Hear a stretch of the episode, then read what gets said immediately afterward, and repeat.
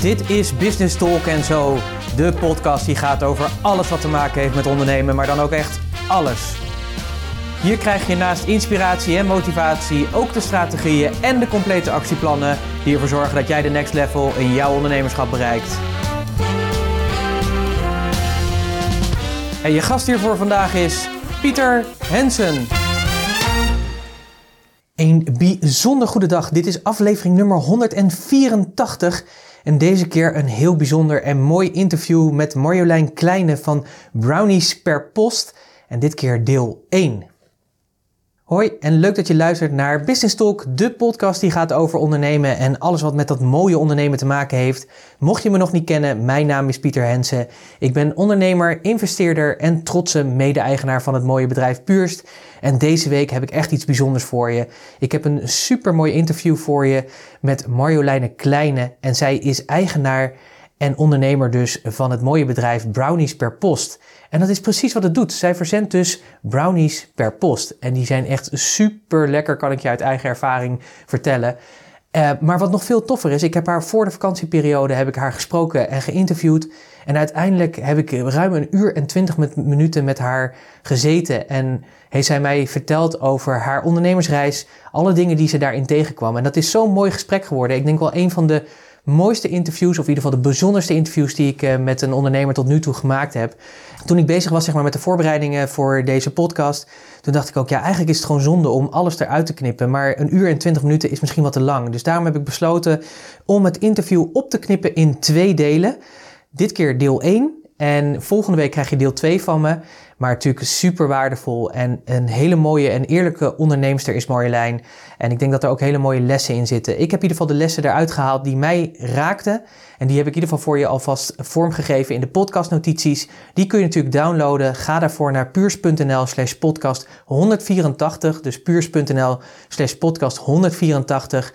En dan zou ik zeggen, geniet van dit hele mooie gesprek. En dan spreek ik je weer aan het einde van dit interview. Hoi en leuk dat je luistert. Uh, en deze keer heel iets bijzonders, want tegenover mij zit Marjolein Kleine van Brownies per Post. En dat is precies wat het doet. Brownies leveren per post. Dus dat is hartstikke leuk. En uh, Marjolein heeft gewoon een heel mooi bedrijf opgebouwd. En een hele bijzonder mens en bijzonder onderneemster. Dus ik dacht, het hoogste tijd om haar eens aan tafel te krijgen. Om haar verhaal te vertellen, haar ondernemersreis te vertellen. Want dat is een bijzondere en wat vertellen over haar product, want dat is een hele lekkere. En ze heeft net ook wat lekkers meegenomen. Dat staat nu even in de koelkast, want het is enorm warm als we dit opnemen. Dus de brownies die zijn ja, nog gooier zeg maar, dan ze normaal zijn. En ik kan uit ervaring weten, want ik ben ook klant bij haar. Dus ik weet zeg maar, dat die brownies ook heel erg lekker zijn. Uh, niet altijd even goed voor de kilo's, uh, maar wel heel erg, heel erg fijn. Dus dat is leuk. Uh, nou Marjolein, welkom. Dankjewel. Fijn dat je er bent. Wat ik altijd doe als ik een interview hou, dan vind ik het altijd leuk om een aantal keuzes aan je voor te leggen. En dan vraag ik je om ergens voor te kiezen. En dan mag je het later mag je nog een beetje nuanceren of, of toelichten eigenlijk. Dus dat wil ik je eigenlijk ook doen. Ik heb vijf keuzes voor je bedacht. En ik ben heel erg benieuwd hoe je, er, uh, hoe je er tegenaan kijkt. Zodat we alvast een beetje een soort beeld krijgen hoe je denkt en hoe je, hoe je naar bepaalde dingen kijkt. Ja, de eerste is misschien een beetje open deur, maar misschien ook niet. Uh, ik heb brownies of appeltaart. Appeltaart? appeltaart? Oh, nou, dit knippen we er natuurlijk uit. dat kan natuurlijk helemaal niet. Appeltaart per post wordt het nieuwe bedrijf, hoor ik al. Nee, ik denk meteen iedere dag. Dus ik denk met achter jouw keuze, denk ik daar, daar achteraan, denk ik meteen iedere dag. Wat wil ik iedere dag eten? En uh, dan vind ik uh, brownies is gewoon te, te veel een delicatesse. Okay. Om uh, iedere dag te eten. niet huistuin en keuken, zeg maar. He niet helemaal. En um, appeltaart wat ik dagelijks bij de koffie zou kunnen eten. Maar brownies is zo'n hap chocola. Uh, heeft iets exclusiefs ja. van mij, die we niet iedere dag doen. Oké, okay. dacht ik zet hem toch in, want ik was gewoon benieuwd van ja. uh, hoe zit dat? In Nederland blijven of expansie naar het buitenland? Als ik moet kiezen, dan gaan we zeker expanderen naar het buitenland. Oké. Okay. Ja. En je moet kiezen. Dus... Nou, dat was de opdracht. ja. En waar gaan we dan heen? Heb je daar al een beeld bij? Of is dat nog gewoon een beetje dromen? Uh, dan kunnen we, wat mij betreft, zouden we dan um, uh, overal naartoe kunnen. Dus dan zou de formule niet zijn dat we gaan exporteren. Dat ik de formule verkoop aan de beste uh, lokale bakkers, aan de beste lokale inpakkers. Um, en die formule die kan overal, die kan overal ter wereld zijn werk doen. ja, misschien niet in Afrika, waar het dagelijks 30 plus graden is.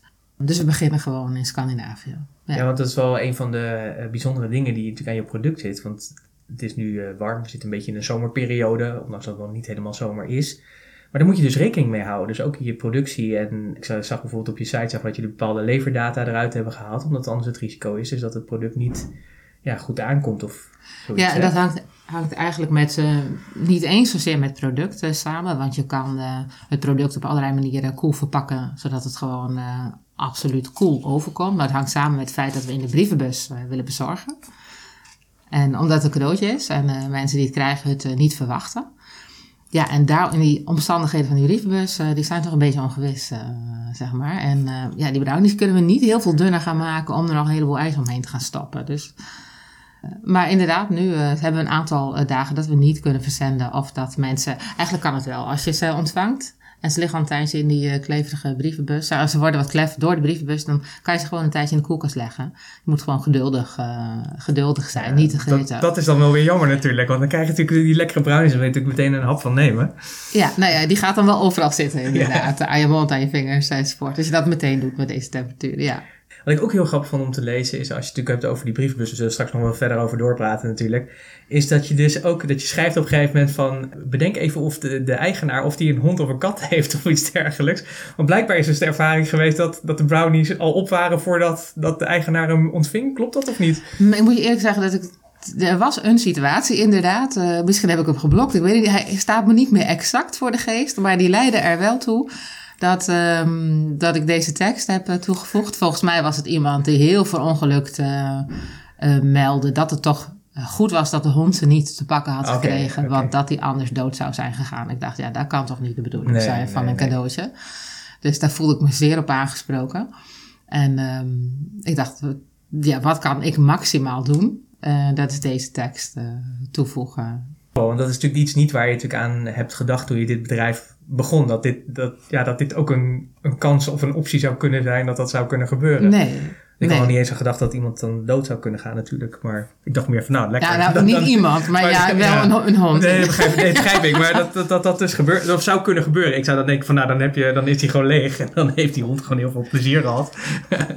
maar dat zo, ja, het was voor mij ook echt nieuwe informatie. Dat uh, met name honden echt dood kunnen gaan van uh, chocola en vrij snel ook. Uh, ja. Ja, ja, Dus dat heb, daar heb ik me wel even een aantal dagen heel erg bezwaard door gevoeld. Maar ja, ik dacht, dit gaat toch niet het einde tekenen van mijn bedrijf. Nee. nee. Ik heb natuurlijk even op, uh, op je site gekeken, dat doe ik regelmatig. En daar staan dan hele lekkere. En je hebt af en toe natuurlijk ook uh, van die special editions. Dus ik dacht, ja, uh, wat is je favoriet? Als je moet kiezen tussen double chocolate of caramel zeezout? Absoluut de double chocolate brownies. Ja? Ja, dat, um, dat is gewoon echt een hele gouden ouwe. Het, het startrecept was die met walnoten, de originals. Um, zoals het, eigenlijk de naam het al zegt, de brownie van oorsprong. Hè, zoals het, uh, het gebak eigenlijk bedoeld is, is uh, een chocolade, een klef chocoladegebak met noten erin. Met uh, volgens mij zelfs heel oorspronkelijk pekanoten en niet walnoten. Wij doen walnoten in. En dus daar is mee begonnen. En op een gegeven moment dacht ik, nou, we gaan ook gewoon een variant maken zonder noten. En die vond ik ook echt, dat was echt ook verdomd lekker gewoon. Omdat hij zo ja, noten toch nog net voor iets meer kekigheid. Hoewel ze absoluut niet kekig zijn. Maar toch, als je ergens noten in gooit, wordt het altijd een klein beetje droger. En um, die double chocolate brownies, die gaan dus echt voor maximale smeugheid. En uh, caramel zeezout is gewoon een fantastische uh, variant erop. Het is natuurlijk hip en de smaakcombinatie is heerlijk. Het zout en de karamel en chocola. Maar sommige smaken zijn gewoon niet te overtreffen. En um, zo is het eigenlijk met die double chocolates en de originals. Ja. ja. En is dit ook, want ik heb deze natuurlijk gekozen voor je als dilemma, maar is, is dit ook je favoriete smaak van, de, van, van je eigen producten? De double chocolates. Ja? Ja.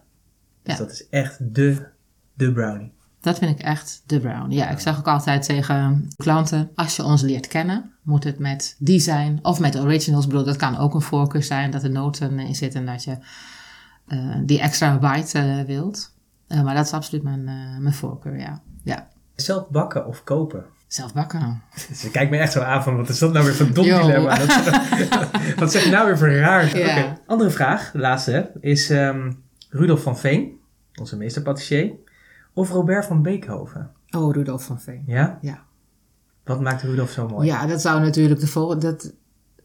Dat, ik kon natuurlijk die vraag naar verwachten. Het is moeilijk, ik vind het moeilijk om iets van te zeggen. Het is echt puur gevoel. En uh, bij wie ik me het uh, meest senang zou voelen in de keuken, denk ja. ik. Uh, naast wie ik het liefst een middagje zou staan bakken, dan vind ik Rudolf een en al puur. Ik moet jou aanspreken, Pieter. Double chocolate. ja, Rudolf vind ik puurder dan de Robert van, Beck ja. van Beckhoven. Ik, ik, ik, heb de indruk dat hij meer zijn eigen pad trekt dan uh, Robert van Beckhoven. Ik weet helemaal niet wat echt wel is, maar uh, dat, uh, en, en, dat spreekt me gewoon aan. ja. Rudolf, ja, met zijn mooie, met zijn mooie kapsel. Oh, laat Robert het maar niet horen. Ja, ja. Luistert hij, weet je? Ja, uiteraard. Ja. Tuurlijk, allebei. Maar ja, Robert, ja, dat is dan jammer. zo werkt dat gewoon. Dankjewel alvast voor deze beetje toelichting op deze dilemma's. Of ja, misschien waren het helemaal niet zo dilemma's. Bij, bij zelfbakken was dat sowieso geen dilemma. Dat was gewoon heel duidelijk. Ja, brownies per post. Vertel eens, hoe kom je nou in hemelsnaam aan een bedrijf voor brownies per post? Hoe kom je op het idee? Hoe, hoe is je pad gegaan eigenlijk? Uh, dat zijn, dit is een cocktailvraag, die mocht ik eigenlijk niet meer stellen, maar dat doe ik dan toch. Oh ja. Dus uh, kun je wat vertellen over hoe je tot dit fantastische idee bent gekomen? Dat is best wel een lang pad, dus um, kan dat? Mag ik iets vertellen ja, over, tuurlijk, dat, over, dat, over dat lange pad eigenlijk? Ja, heel graag. Want er is veel aan vooraf gegaan. Want het was niet zo dat ik... Het was wel zo dat ik op een dag gedacht, dit is een gat in de markt. Uh, maar dat, was, dat kwam niet zomaar, zeg maar. Daar ging, uh, er is wel van alles aan vooraf uh, gegaan. Kun je ons um, meenemen in jouw, in jouw reis zeg ja. maar, naar, naar, de, naar de start van dit bedrijf toe? Want ik ja, kan me voorstellen zeker. dat dat ook interessant is voor luisteraars om te horen van hoe je pad is gelopen. Zeg maar. Want voor iedereen loopt het pad weer anders. Hè? Er is geen gouden formule maar hoe het moet of is. Ja. Nou laat ik het pad beginnen te vertellen bij um, waar ik ondernemer geworden ben. Um, want ik was um, tot 2010 uh, heb ik baan, banen gehad in uh, loondienst. Vanaf um, 2006 uh, heb ik een bedrijf. Dat heb ik tot 2010 gedaan in combinatie met een baan in, in loondienst. En in 2010 ben ik een volledig voor mezelf begonnen. Maar dat ondernemerschap, dat startte eigenlijk nadat ik in rond de uh, eeuwwisseling uh, was het. Het klinkt, klinkt oud, maar ja, klinkt rond geleden. de, de ja. millenniumwisseling was het zelfs. Heb ik, ben ik ziek geworden. Heb ik ehm, kanker gehad. met alles erop en eraan. En ehm, gelukkig heel goed doorgekomen. Ja, want je zit hier nog. Ik zit hier, ik zit hier inderdaad nog. En dat was voor mij zo'n, eigenlijk zo'n keerpunt in het leven. Een punt waarvan ik nadien, en dat is eigenlijk zelfs al tijdens die ziekte, gewoon uh, heel sterk voelde van... Ik moet alles wat ik, uh, waarvan ik ooit droomde in het leven, of waarvan ik nu droom in het leven, moet het gaan doen. Hè? Wie weet uh, hoeveel tijd er nog is om het uit te gaan voeren. Ja. Dus no more excuses, gewoon gaan met die banaan. En een van die, um, of eigenlijk de grote droom die ik had, was om een eh, kleinschalig, luxueus hotel te beginnen. En ik, um, daarin zag ik mezelf als gastvrouw um, een rol hebben. De rol hebben. En ik dacht, dat kan ik alleen zijn in Drenthe, waar ik ben groot geworden, waar ik ben opgegroeid. Daar voel ik me echt, voel ik me gewoon echt thuis, daar zijn mijn roots. Dus daar moet ik een plek vinden waar we dat hotel gaan beginnen. En op dat moment woonden we in Zoetwoude bij Leiden. En zijn we gaan zoeken naar een boerderij in uh, Drenthe. En die zoektocht die duurde ongeveer uh, eh, 2,5 jaar. Toen we de ideale plek vonden, waar uh, Arnoud, mijn partner en ik echt mega verliefd op werden. Um, in de tijd dat er heel veel, hè, de, de, de, ja, de woningmarkt eigenlijk net zo overspannen was als nu. In de afgelopen jaren is het niet zo geweest, maar toen, toen was dat nog zo. Het moest snel besloten worden. Ja, ja. Dus toen zijn we kan me echt het moment herinneren dat, we, dat ik het gevoel had van nou, nu gaan we van de hoge duikplank uh, springen. Ik ga het gewoon doen. We zien wel, ik zie wel wat schipstrand. Uh, het is zo belangrijk. Je hebt, ja, je hebt één leven. Ja, het is gewoon super belangrijk dat je gaat doen waar je van droomt. Iedere vakantie, als we uh, wandelden in Frankrijk of Spanje of wat dan ook, dan was die droom er weer. Nou, oké. Dus um, we hebben die boerderij gekocht waar dat allemaal moest gaan plaatsvinden. En al heel snel na het kopen uh, bleek dat dat uh, plan uh, financieel volstrekt onrealiseerbaar was. Dus het hotel wat ik voor ogen had en de investering die daarvoor nodig was, die zou een bezettingsgraad van, um, weet ik het, 80, 85 procent moeten hebben om um, überhaupt win, winstgevend te kunnen worden. En dat was zeker in die tijd en nu nog steeds wel uh, in Drenthe een bezettingsgraad gemiddeld van 80, 85 procent in het jaar onhaalbaar. En dus daar viel toen, we zaten in die fantastisch mooie boerderij, uh, onverbouwd, stallen zaten er nog in. Dus daar viel toen ook al vrij snel een droom behoorlijk in duigen. Okay.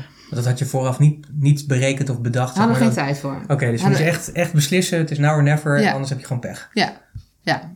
Dus dat bleek niet, uh, bleek niet haalbaar uh, te zijn. En, um... Zit je daar in je mooie boerderij? Ja. en ik dacht, ja, toen ik een beetje over, uh, over de pijn heen was van, ja, maakt niet uit. Ik wil toch ondernemen. En, en waar ging het me nou eigenlijk om? Weet je, waar ging dit hele plan me nou eigenlijk om? En toen realiseerde ik me ook eigenlijk voor het eerst dat dat hele plan dat draaide om in mijn um, beeld was er midden in dat kleinschalige luxueuze hotel een hele knusse huiskamer. Uh, waar de gasten uh, zouden kunnen verpozen, zeg maar. Al dan niet uh, elkaar ook eens spreken. Maar een soort van centrum in dat gebouw. en daar, het was voor, mij volstrekt vanzelfsprekend dat er altijd een goed gevulde taartvitrine stond. En dat die taart de mensen zou verbinden. En dat wist ik pas op het moment dat ik na ging denken over wat was nou voor mij, voor mij de kern van dit, van dit plan.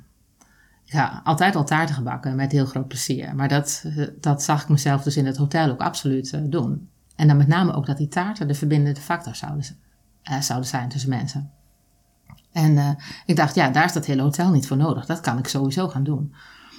Dus dat ben ik toen gaan doen. En ik heb in die onver, onverbouwde boerderij ben ik gestart. Eerst met catering van taarten en high teas. Ik had wel een mooie, bak, een mooi, mooie keuken gemaakt in dat eerste stuk verbouwing. En ik dacht eigenlijk ook dat ondernemen betekende dat je alles doet wat je leuk vindt. dus bij mij was het kader dan nog wel taart. Dus dat was, was wel heel erg duidelijk. Maar rondom taart ging ik echt alles doen wat ik leuk, wat ik leuk vond. Of wat andere mensen zeiden dat leuk was. dus daar was op een gegeven moment de catering van taarten en high teas. Dus ik trok met uh, mijn hele inboedel uh, naar andere plekken om daar taarten bevetten te maken, high teas te serveren. Mensen kwamen bij ons over de vloer in de theetuin, die ik ook realiseerde op een gegeven moment. Ik ging workshops, taarten bakken geven. eigenlijk iedere keer een, um, een, een nieuw stuk bedrijfsactiviteit. Ja. Iedere keer als ik iets verzon wat leuk was, ik stond op, op leuke vers, markten enzovoort, dan, dan pakte ik het er weer bij. Zo ontstond eigenlijk op een bepaald moment, die, er kwamen echt toeristen ehm, bij ons in de, bij mij in de theetuin. En die zeiden, god jammer dat we hier maar één keer per jaar eigenlijk zijn. En al die lekkere taart maar één keer per jaar eten, als we hier op de camping staan. En toen had ik al wel eens gedacht van, ja, het zou het eigenlijk ook moeten kunnen opsturen. Ja, heel grappig. En zo is het idee van brownies per post eigenlijk ontstaan als een volgend ding wat in het rijtje leuk en het kan ook toegevoegd worden toegevoegd, aan, aan, aan, alle activiteiten die je al deed. Ja, ja, ja. precies. Wat ik wel het leuke vind om te horen is dat alles draaide dus wel om de taart. Dus de focus die lag er eigenlijk wel. Hè. Dat was gewoon taart, zeg maar, die, ja. die verbindt en uh, alles daaromheen. En daaromheen heb je een heel scala aan, aan werkzaamheden opgebouwd. op een gegeven moment kwam dus het idee om dat dan te gaan verzenden. Maar je hebt nu, zover ik weet, alleen het bedrijf nog brownies per post. Dus er is ook iets gebeurd van die uh, boerderij met alles daaromheen naar nu alleen een bedrijf brownies per post. Ja, ja klopt inderdaad. Hoe is dat verder gegaan? Nou ja, uh, op een bepaald moment had ik al die verschillende bedrijfsactiviteiten. En ik verzon weer iets nieuws. En dat betekende weer opnieuw investeren, opnieuw ja. werkwijze verzinnen. Uh, ik nam eigenlijk nooit de tijd om goed te reflecteren. Ik had nooit tijd om het personeel wat er wel was goed in te werken. Ik bouwde eigenlijk geen vermogen op. Uh, want als er weer wat was, dan investeerde ik het in een volgende uh, activiteit. En steeds was er een um, nieuwe deadline voor een volgende groep. Die kwam bakken of proeven of wat dan ook. En moest er nog op het laatste een wc gepoetst worden. En ik was alleen maar van deadline naar deadline aan het leven. Steeds nieuwe activiteiten. Ja, op een gegeven moment bevond ik mij in die mooie boerderij.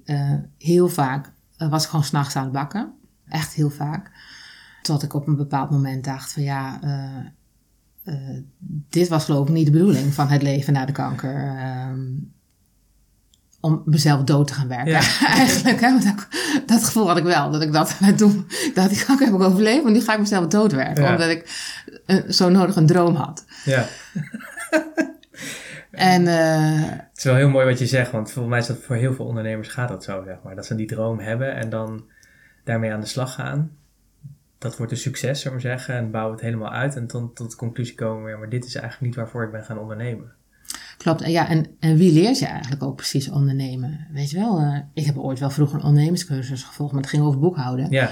En niet over uh, mentaliteit of slim, slim ondernemen. Ik kom uit een ondernemersfamilie, maar zelfs in mijn familie heb ik niet geleerd hoe te ondernemen eigenlijk. Um, hoe doe je dat? Um, en op een bepaald moment dacht ik van, ik hou mezelf wel bezig ik ben wel, het onderwerp is, heeft wel mijn passie.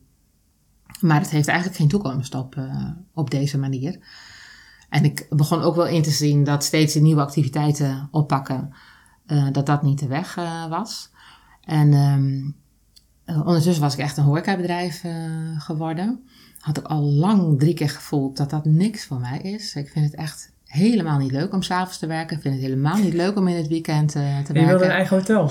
ja, Zo gaan we nog wel wat dingen tegenkomen, Pieter, in, dit, in dit, gesprek. Leuk, leuk. Zie er naar uit. ja, dus uh, door echt goed te voelen steeds. Want ik dacht, ja, ik ben hier nou wel in beland. Maar dit was, dit was toch niet, uh, niet de bedoeling. En wat doe je dan, zeg maar? Want je zit natuurlijk vast. Hè? Ik bedoel, je, je, je zit in die realiteit van... oh, ik heb al die activiteiten, het moet allemaal lopen. Het, het, het, moet door natuurlijk. Dus ja. Dus je kunt niet uh, tot wakker worden en zeggen...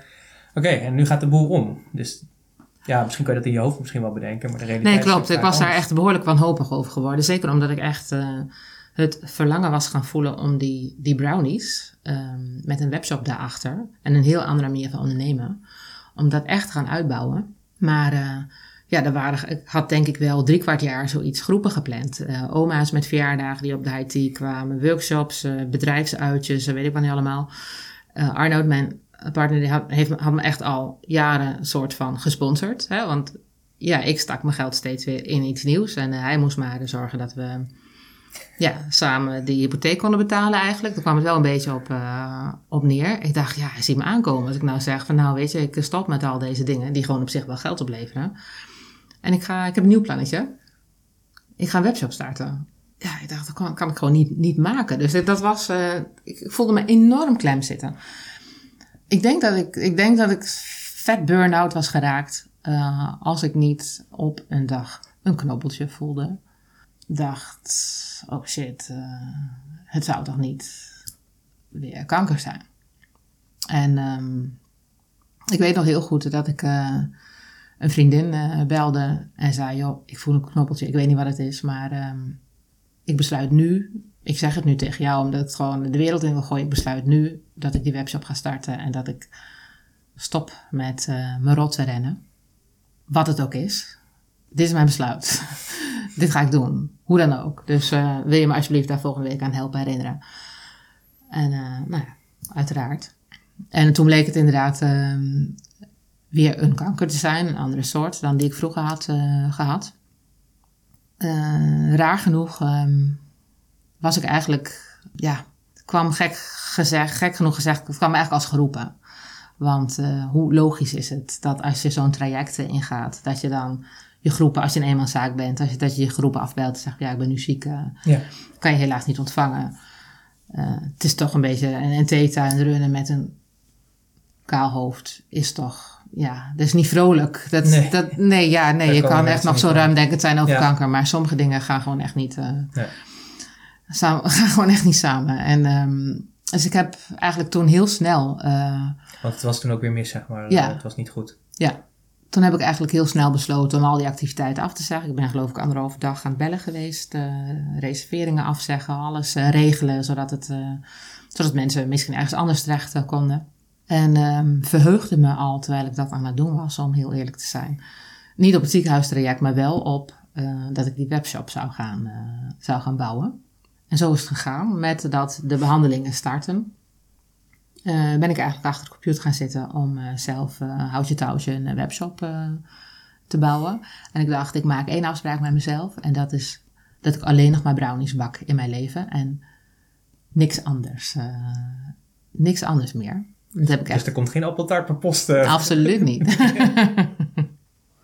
nee, nee, nee, ik zeg, dat zeg ik nu heel hard, weet ik niet. Het is, het is een hele, het is een echt absolute gouden regel uh, geweest gedurende wel vijf jaar of zo. Dus ik heb echt vijf jaar geen taart gebakken. Nul. Ook niet privé? ook niet privé, ook niet voor een uh, familie, dit helemaal niks. daarin ook absoluut ontdekte ja, hoe ver ik over mijn grenzen was gegaan. kon echt eigenlijk letterlijk geen, geen springvorm meer, meer zien.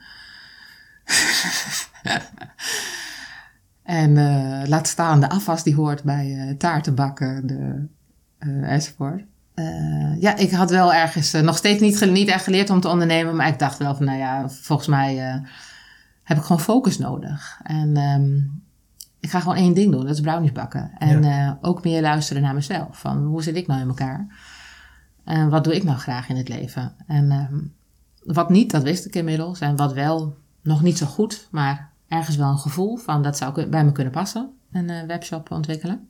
En uh, ik ging me aan de gang en het werd eigenlijk, um, ik had door al die, heel, al die verschillende taartactiviteiten een heel breed publiek aangesproken. Dus op het moment dat ik mijn eerste dosis ging verzenden, uh, had ik eigenlijk meteen een klantenbestand. Die gewend waren dat de dingen die we maakten lekker waren, dus die wel wilden bestellen. En dat, ging, dat ging eigenlijk behoorlijk vanzelf. het is ook een cadeauproduct, dus hè, ontdekt één iemand het, dan zijn het er eigenlijk al twee, want die verstuurt aan iemand anders. Ja, want het idee, misschien kun je nog even toelichten van Brownies Post is van dat het eigenlijk een, een cadeau is die je aan iemand anders geeft. Hè? Dat is eigenlijk ja. Of, ja, laat opsturen. Ja, eigenlijk uh, ehm, 95% van de klanten uh, bestelt brownies voor iemand anders. We hebben inmiddels um, een heleboel uh, verpakkingen ook die ja, passen bij de gelegenheid waarvoor je wilt uh, geven.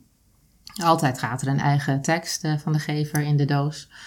Dus um, het is eigenlijk uh, het idee achter brownies per post is natuurlijk dat we alle, de allerlekkerste brownies maken, maar nog steeds dat taart verbindt, zeg maar. Dus, um, dus dat is overeind blijven staan? Dat is absoluut overeind blijven staan, ja. Ja. Ja. En um, ik ontdekte dat, het me, dat ik dat achter de computer werken gewoon echt uh, fantastisch uh, vond. Dat ik het ontzettend leuk vond om die webshop te bouwen, dat uit te zoeken hoe dat ging. de focus op één product uh, gaf echt ontzettend veel rust uh, in het leven. Uh, dus ik voelde me daar eigenlijk echt ontzettend gelukkig bij. En natuurlijk ging dat ook op een gegeven moment heel goed en kon ik dat niet meer alleen. Ja, want voor, voor mijn beeldvorming, jij bakte het zelf, je, je had die webshop natuurlijk, je bakte het zelf, je pakte het zelf in, je ging zelf naar de post. Ja. Dat, hè, zo, zo is het begonnen, zo is het begonnen met, uh, met vier of vijf doosjes op een dag. Uh, soms nog wel eens een dag helemaal niks. En, ja.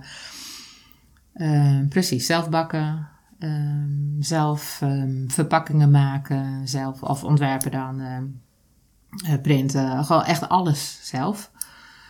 En het eerste wat ik ben gaan uitbesteden, of ja, toen dat niet meer kon, allemaal zelf, was dat ik een bakker in dienst heb uh, genomen.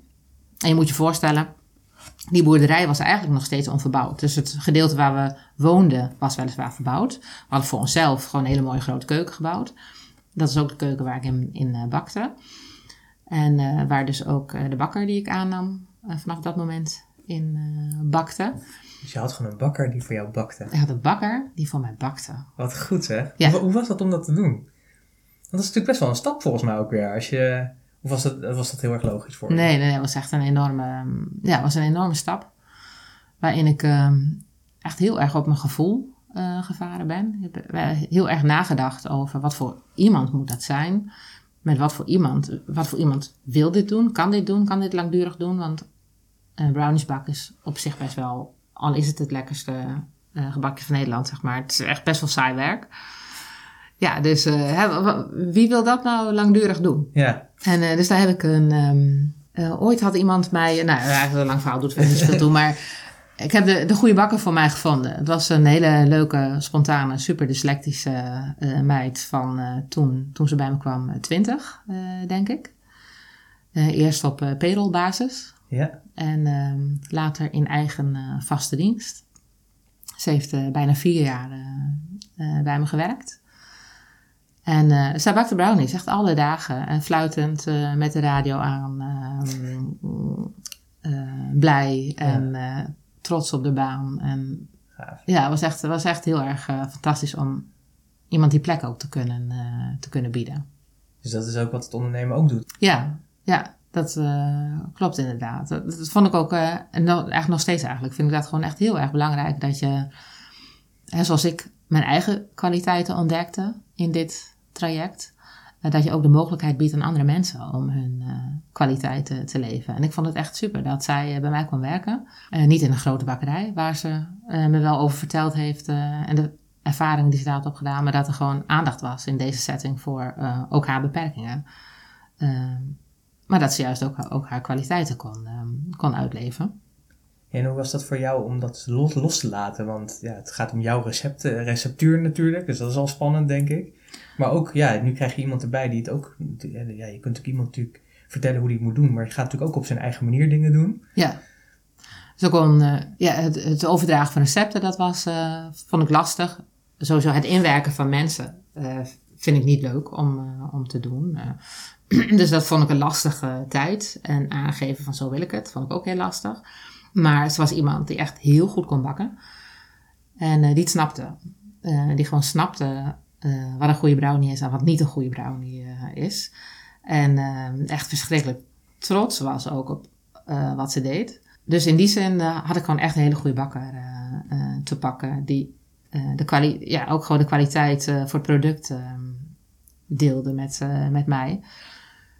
En dat ging eigenlijk heel erg, ging eigenlijk heel erg goed. Dat ging gewoon heel erg goed. En het werd drukker en drukker en we konden meer aan. Dus we moesten ook steeds meer, meer ingepakt worden. Dat deden we samen. Zij bakte, ik deed de uh, klantservice. En op het eind van de dag stonden we samen in te bakken en bracht ik of zij het naar de post. Ja, want bakten jullie eerst bestelling, dan bakken? Of ja, hoe, hoe doe je dat, zeg maar? Je moet natuurlijk een beetje inschatten. Ja. Dat nee, lijkt ja. ook wel een hele, hele spannende. Van. Ja, dat heb ik in restaurants eigenlijk al nooit gesnapt, hoe ze dat doen. Nou, hoe kan je nou genoeg eten hebben voor dat wat mensen s'avonds bestellen? Ik snap het nog steeds niet. Um, en met brownies dacht ik, ja, zo gaan we dat ook niet doen die moeten, uh, want dat wordt natuurlijk sowieso uh, gestrest en gedoe. Um, uh, brownies moeten, ik weet niet of je wel eens brownies, heb je wel eens brownies gebakken? Ik heb wel eens brownies ja, ja, ja, Ik zal je vertellen, ik heb zoveel keer voor een vriendin van mij die naar Ierland ging voor vrijwilligerswerk, hadden we een actie brownies gedaan. Toen we dachten van, nou weet je, dat, dat, als dat, dat 10, 20 mensen doen is dat fantastisch. Maar er waren meer dan 170 man die brownies bestelden. Oh. Dus wij hebben in de garage van mijn ouders hebben wij twee dagen brownies gebakken. En ik moet je echt zeggen dat ik bijna echt de laatste dag tot kotsen toe, zeg maar, die brownies heb staan bakken. Omdat je dit continu, zeg maar, ja, we doen het natuurlijk niet zo professioneel zoals jij dat doet.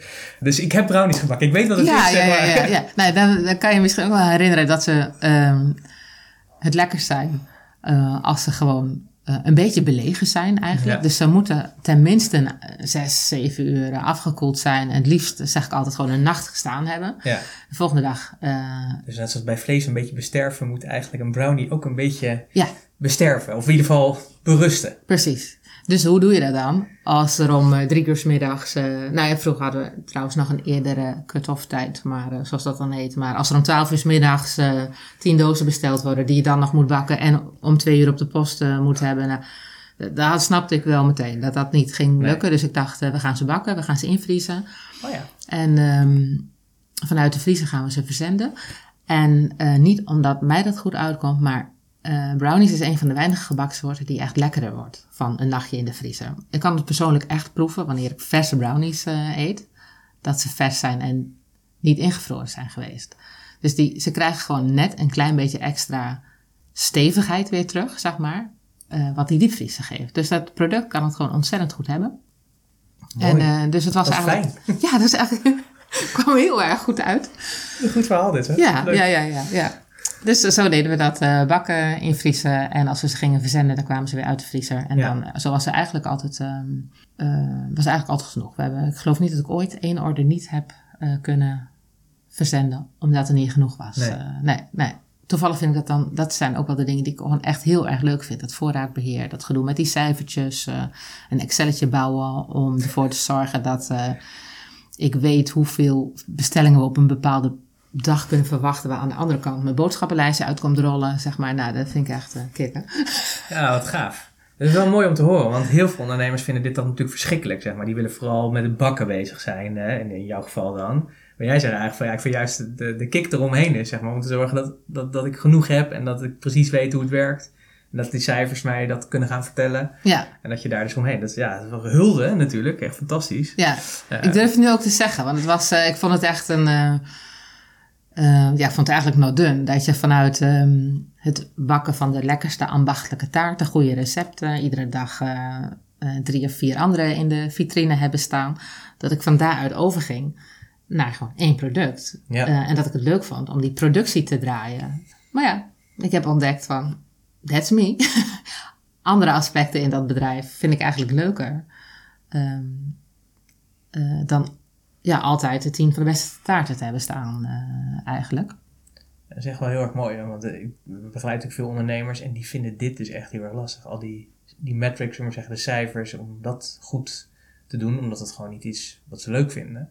Maar het is wel natuurlijk heel erg nodig om goed je bedrijf te kunnen runnen. En ik denk zeker ook als je natuurlijk moet inkopen en dat soort dingen ja, die, die brownie heeft natuurlijk een prijs en die wil je natuurlijk binnen een bepaalde marge houden. Dus is dat extra belangrijk om dat te weten. Ja, bij mij dat omdat ook echt. Dus ik, um, ik vind die cijfertjes ook echt leuk en interessant, heeft me altijd wel geboeid. En um, naast de passie voor het product eigenlijk. Maar die, um, dat echt leren ondernemen, uh, daarvoor waren voor mij die cijfertjes ook gewoon echt nodig. Van, uh, om gewoon te zien van hoe doe ik het nu echt? Oké, ik focus op één ding. En hoe doet dat ene ding het nu ook echt? En welk effect heeft het als ik, aan dit, als ik dit cijfertje uh, opdraai of, uh, of uh, nou ja, ja, naar beneden bijstel, naar boven bijstel? Welk effect heeft dat op mijn, op mijn verkopen?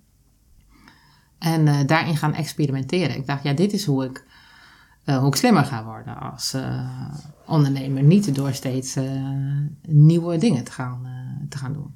Het is echt super gaaf, maar. Want dit is zo totaal anders dan al die anderen dat doen. De heel veel ondernemers die doen juist, zeg maar, door van... Oké, okay, dit heb ik gedaan, ik ga nu weer wat nieuws doen. Hè. Dat, dat, je had natuurlijk wel de focus op je, op je taart, zeg maar. Hè. Daar kwamen heel veel dingen bij. En op een gegeven moment heb je besloten van... Ik doe één ding. Ik denk dat dat al heel krachtig is. Dat je zegt, want dat brengt die focus. Je hoeft je alleen maar bezig te houden met dat ene ding... en niet met twintig andere dingen. Maar juist, zeg maar, door te zeggen... Oké, maar dat ene ding, maar dat wil ik wel zo succesvol mogelijk doen. En wat gebeurt er als ik als ik er wat afhaal of erbij doe of wat dan ook, wat zijn de effecten ervan? Maar het blijft nog steeds die focus op dat ene ding. Terwijl heel veel ondernemers die hebben dan hebben een product gelanceerd, ja, bin daar dan dat.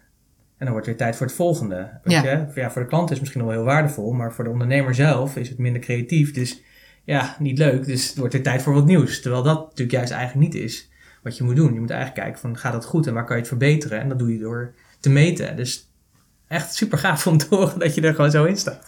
Dat is gewoon ondernemerschap. Is ja, cool. en wat ik denk dat ook een rol speelt is uh, in, in wat je nu vertelt, is dat um, uh, wij als ondernemers, um, ik in ieder geval wel heel erg denk dat ook dat bij succesvol zijn hoort dat je heel hard, dat je heel hard werkt.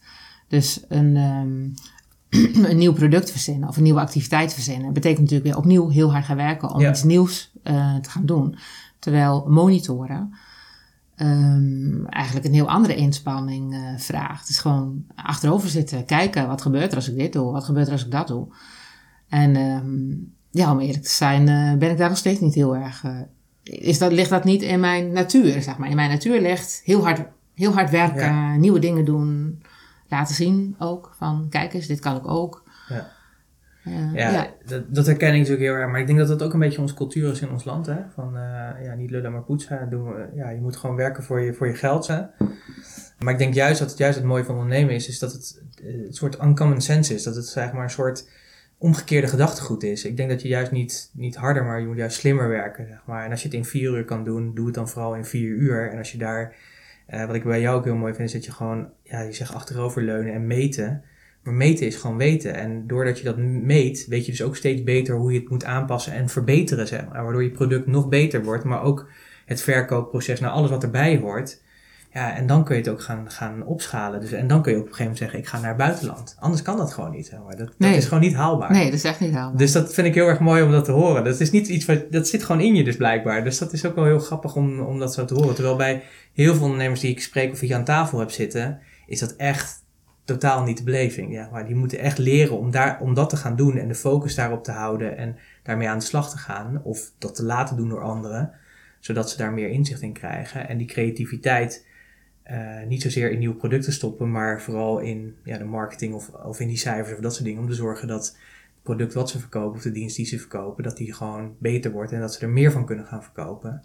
En dat vinden heel veel mensen heel erg lastig. Maar ja, voor jou is dat een vanzelfsprekendheid op een of andere manier. Nou, wat, wat, wat, echt, wat echt een vanzelfsprekendheid is, is als er op een gegeven moment uh, ergens uh, wrevel in mij ontstaat of een ongenoegen.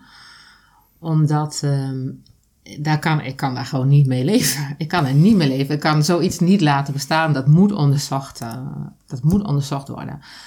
Kijk, een, een vrij makkelijke, eigenlijk een relatief makkelijke manier om daarmee om te gaan, zeker als je ondernemend bent, is om een nieuw ding te ontwikkelen. Zodat de energie gewoon ergens anders naartoe uh, kan gaan. En dan vergeet je.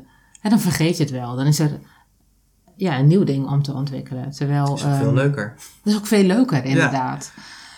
Uh, het is terwijl... niet zoals vreemd, hè? Dus dat is natuurlijk ook wel weer een mooie. Maar ik vind het wel mooi, zo heel specifiek dat je dat zo benoemt. Want dat is wel vrij uniek, zeg maar. Dat hoor ik niet veel. Dat kan natuurlijk ook aan mij liggen en mijn omgeving, maar ja. dit, dit is uh, niet vanzelf. Dat mensen dat vanzelf zo oppakken. Ja, wellicht, ja. Ja, ja.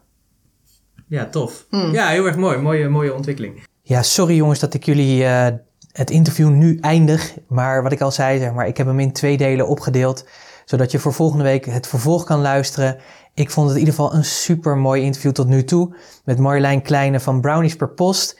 Ik hoop dat het voor jou ook waardevol is en dat je veel mooie inzichten hebt uh, gehaald uit uh, ja, het verhaal van Marjolein en hoe zij erin staat. En wat, er ook, wat ik ook mooi vind bij haar is dat, ondanks dat er best wel heftige dingen in haar leven zijn gebeurd, dat ze toch elke keer de keuzes maakt om een bedrijf te creëren wat bij haar past en waar ze naartoe wil groeien. En dat vind ik gewoon heel erg mooi om uh, te zien.